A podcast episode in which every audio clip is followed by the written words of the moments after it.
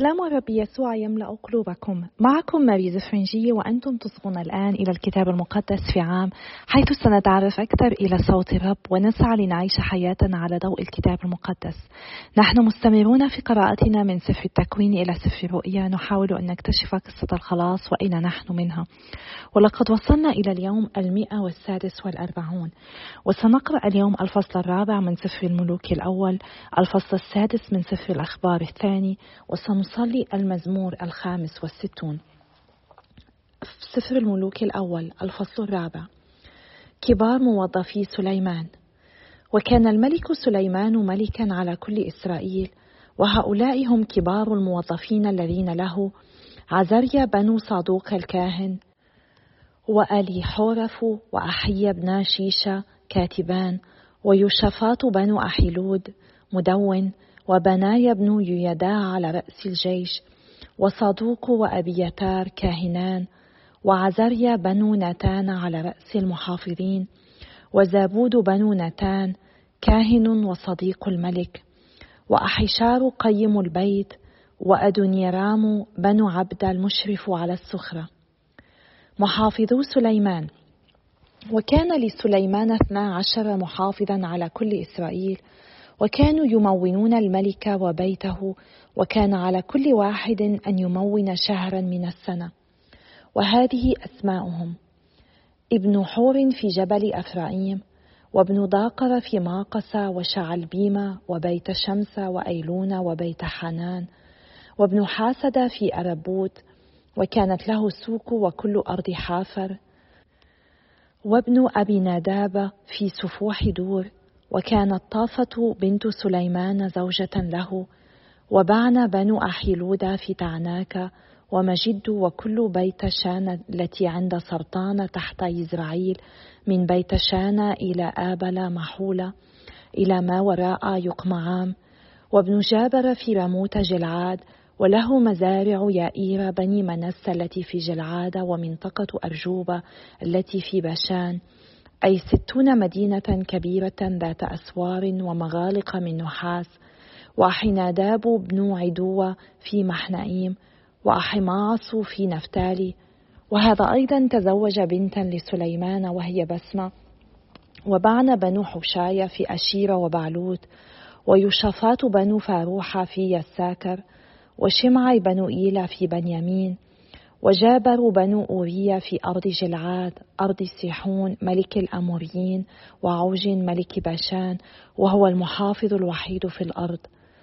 وكان يهوذا وإسرائيل كثيرين مثل الرمل الذي عند البحر يأكلون ويشربون ويبتهجون. سفر الأخبار الثاني الفصل السادس. حينئذ قال سليمان قال الرب إنه يسكن في الغيم المظلم وإني قد بنيت لك بيت سكنه مكانا لسكناك للأبد. خطاب سليمان إلى الشعب. وأدار الملك وجهه وبارك جماعة إسرائيل كلها وكانت جماعة إسرائيل كلها واقفة. وقال تبارك الرب إله إسرائيل الذي تكلم بفمه مع داود أبي وحقق بيده. قال منذ يوم أخرجت شعبي من أرض مصر ولم أختر مدينة من جميع اسباط إسرائيل ليبنى فيها بيت يكون اسمي فيه ولم أختر إنسانا ليكون قائدا لشعب إسرائيل. لكني اخترت أورشليم ليكون اسمي فيها واخترت داود ليكون على رأس شعب إسرائيل. وقد كان في قلب داود أبي أن يبني بيتا لاسم الرب إله إسرائيل. فقال الرب لداود أبي لأنه كان في قلبك أن تبني بيتا لاسمي فأحسنت حيث كان ذلك في قلبك. ولكن لا أنت تبني البيت بل ابنك الذي يخرج من صلبك هو يبني بيتا لاسمي. وقد أتم الرب القول الذي قاله وقمت أنا مكان داود أبي وجلست على عرش إسرائيل. وكما قال الرب وبنيت البيت لاسم الرب إله إسرائيل وجعلت هناك التابوت الذي فيه عهد الرب الذي قطعه لبني إسرائيل. صلاة سليمان. ثم قام أمام مذبح الرب أمام كل جماعة إسرائيل وبسط يديه. وكان سليمان قد صنع منبرا من نحاس وأقامه وسط الدار طوله خمس أذرع وعرضه خمس أذرع وعلوه ثلاث أذرع فوقف عليه ثم جثى على ركبتيه أمام جماعة بني إسرائيل كلها وبسط يديه نحو السماء وقال تبارك الرب إله إسرائيل الذي تكلم بفمه مع داود أبي وحقق بيده قال الذي حفظ لعبده داود أبي ما كلمه به فتكلم بفمه وحقق بيده كما هو اليوم. والآن أيها الرب إله إسرائيل أحفظ لعبدك داود أبي ما كلمته به قائلا لا ينقطع لك رجل من أمامي يجلس على عرش إسرائيل. إن حفظ بنوك طريقهم سائرين على شريعتي كما سرت أنت أمامي. والآن أيها الرب إله إسرائيل ليتحقق قولك الذي كلمت به عبدك داود. فإنه هل يسكن الله حقا مع الإنسان على الأرض؟ إن السماوات وسموات السماوات لا تسعك. فكيف هذا البيت الذي بنيته؟ التفت إلى صلاة عبدك وتضرعه. أيها الرب إلهي واسمع الهتاف والصلاة اللذين يصلي بهما عبدك أمامك. لتكن عيناك مفتوحتين على هذا البيت النهار والليل على المكان الذي قلت إنك تجعل اسمك فيه لتسمع الصلاة التي يصليها عبدك نحو هذا المكان. صلاة من أجل الشعب. واستجب تضرع عبدك وشعبك إسرائيل إذا صلوا نحو هذا المكان. واسمع أنت من مكان سكناك في السماء وإذا سمعت فاغفر إذا أساء أحد إلى قريبه وأوجب عليه يمين اللعنه وأتى ليحلف أمام مذبحك في هذا البيت فاسمع أنت من السماء واعمل واقض بين عبيدك بأن تحكم على الشرير وتجعل سلوكه على رأسه وتنصف البار وتعطيه بحسب بره. وإذا انهزم شعبك إسرائيل أمام أعدائه بسبب خطيئته إليك ثم رجع إليك وحمد اسمك وصلى وتضرع إليك في هذا البيت. فاسمع أنت من السماء واغفر خطيئة شعبك إسرائيل وأرجعه إلى الأرض التي أعطيتها له ولابائه وإذا احتبست السماء ولم يكن مطر بسبب خطيئته إليك وصلى نحو هذا المكان وحمد اسمك ورجع عن خطيئته لأنك أذللته.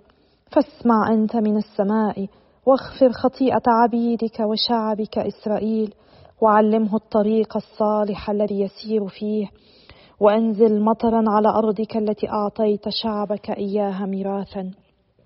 وإذا حدث في الأرض مجاعة أو طاعون أو صدأ أو ذبول أو جراد أو دبن أو إذا حاصره أعداؤه في مدنه ومهما ابتلي به من ضربة أو مرض فكل صلاة وكل تضرع من أي إنسان كان من كل شعبك إسرائيل الذي يعرف كل واحد ضربته وألمه.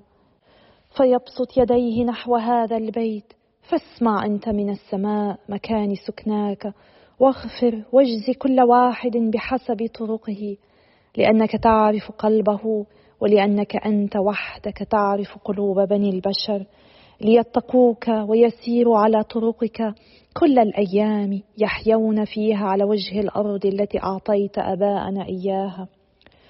وكذلك الغريب الذي ليس من شعبك إسرائيل والآتي من أرض بعيدة من أجل اسمك العظيم ويدك القديرة وذراعك المبسوطة فيأتي ويصلي في هذا البيت.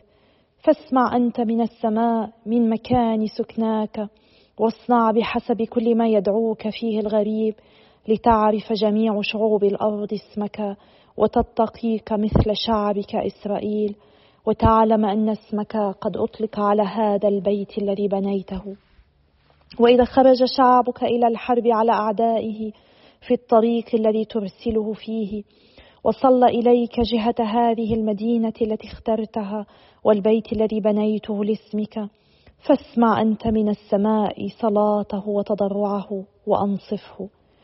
وإذا خطئ إليك لأنه ليس إنسان لا يخطأ وغضبت عليه وأسلمته إلى عدائه وجلاه جالوه إلى أرض بعيدة أو قريبة ثم عاد إلى نفسه في الأرض التي جلي إليها فتاب وتضرع إليك في أرض جلائه وقال قد خطئت قد أثمت قد أسأت ورجع إليك بكل قلبه ونفسه في أرض جلائه حيث جلوه وصل جهة أرضه التي أعطيت آباءه إياها والمدينة التي اخترتها والبيت الذي بنيته لاسمك.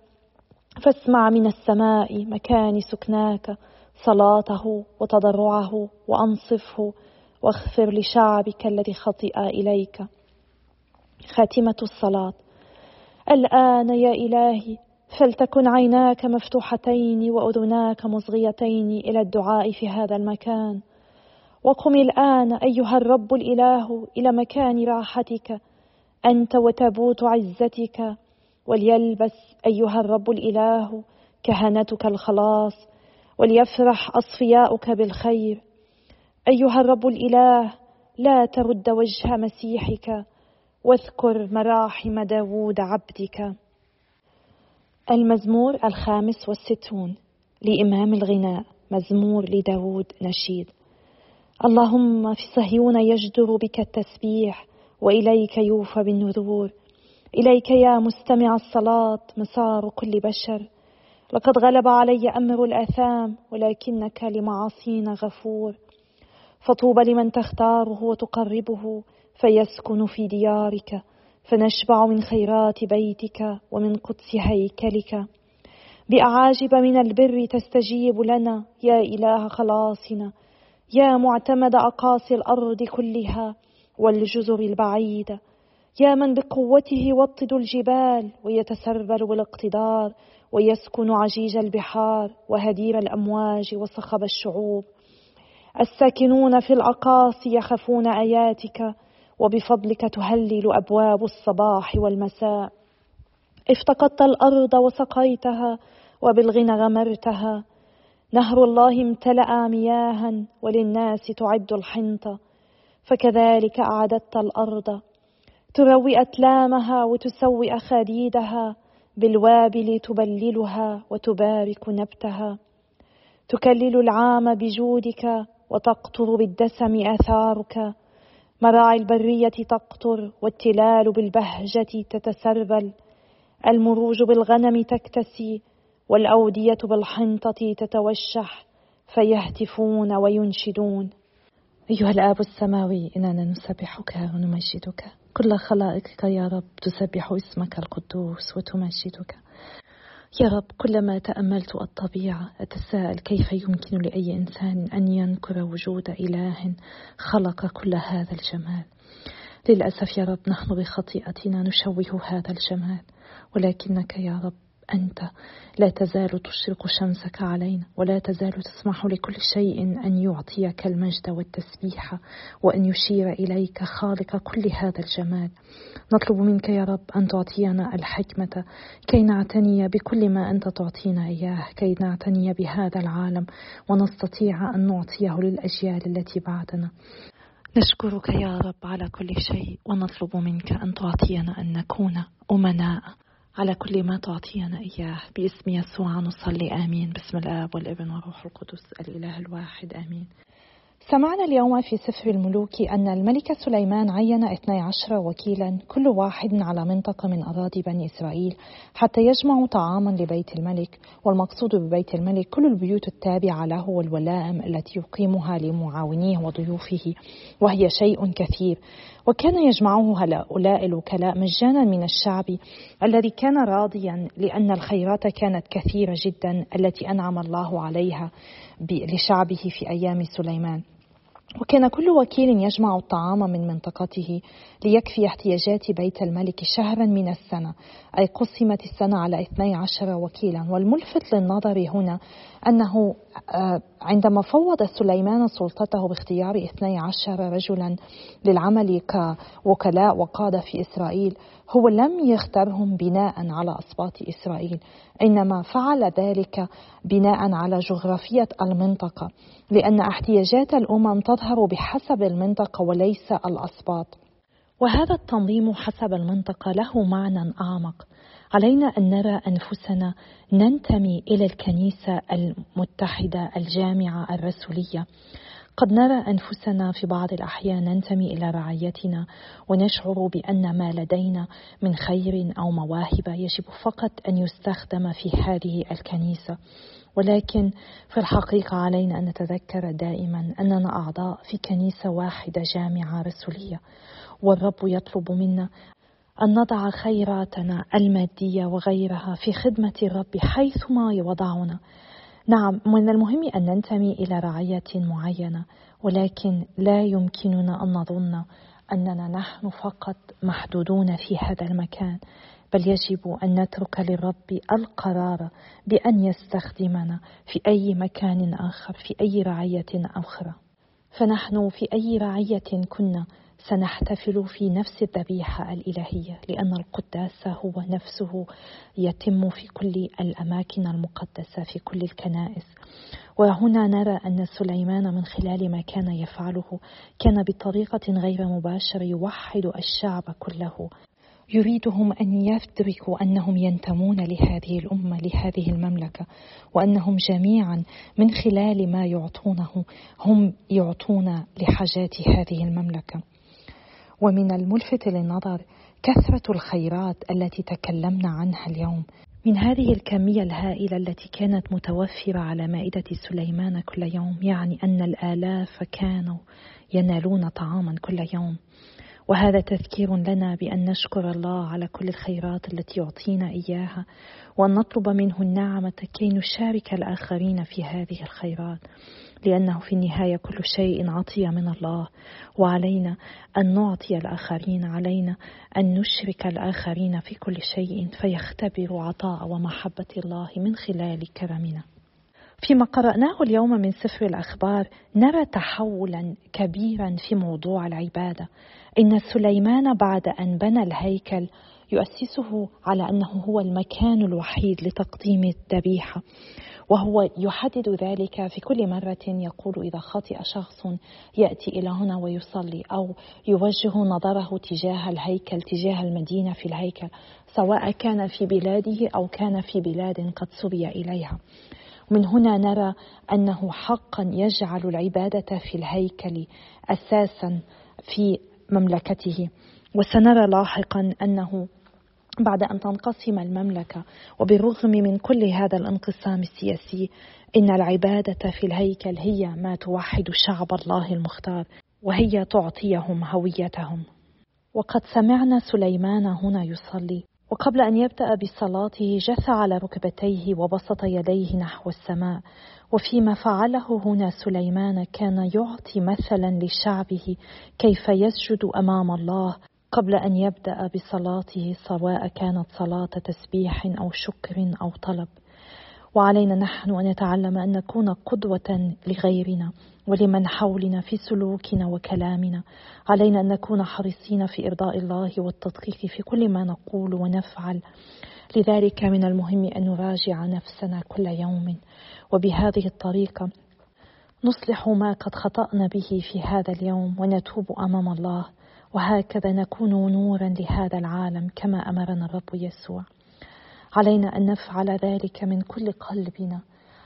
إن سليمان هنا كرر مرات عديدة على كل خاطئ أن يتوب ويعود إلى الرب أن يوجه نظره إلى الهيكل ويطلب من الرب المغفرة. وعلينا نحن أيضا أن نتذكر كل مرة نخطئ بها نحو أخينا الإنسان كل مرة نخطئ نحو الله سواء كانت خطيئتنا بالفعل أو بالقول أو بالعمل أو بالإهمال. علينا أن نتوب أمام الله علينا أن نذهب إليه في سر التوبة ونطلب منه المغفرة. بالطبع نحن لا نستطيع نفعل ذلك كل يوم ولكن إذا أخذنا كل يوم المقصد بأن نفحص ضميرنا في آخر النهار نشكر الله على كل شيء وأن نطلب المغفرة منه عن كل أخطائنا. ونذهب في أقرب فرصة ممكنة لنيل سر الغفران من الكاهن في الكنيسة. بهذه الطريقة نحن نستطيع أن نعيش في نعمة الرب أكثر. بالطبع إن طلب المغفرة والمسامحة يتطلب تواضعا. ولذلك علينا جميعنا أن لا نتردد أن نكون متواضعين أمام الله فننال مراحمه.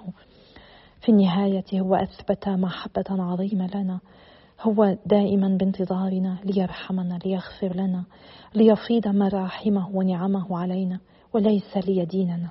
فلنأخذ بعض الوقت اليوم لنصلي من أجل الكنيسة من أجل كل أعضائها من أجل أعضاء رعيتنا من أجل كهنتنا جميعهم ومن أجل كل الأشخاص في مجموعة الكتاب المقدس في عام حتى نستمر في النمو في حياتنا الروحية والاقتراب من الرب يومنا أكثر فيوم وأنا أتشكر الجميع على صلواتكم وتشجيعاتكم وأنا أصلي لكم كل يوم وإلى اللقاء غدا يوم آخر إن شاء الله.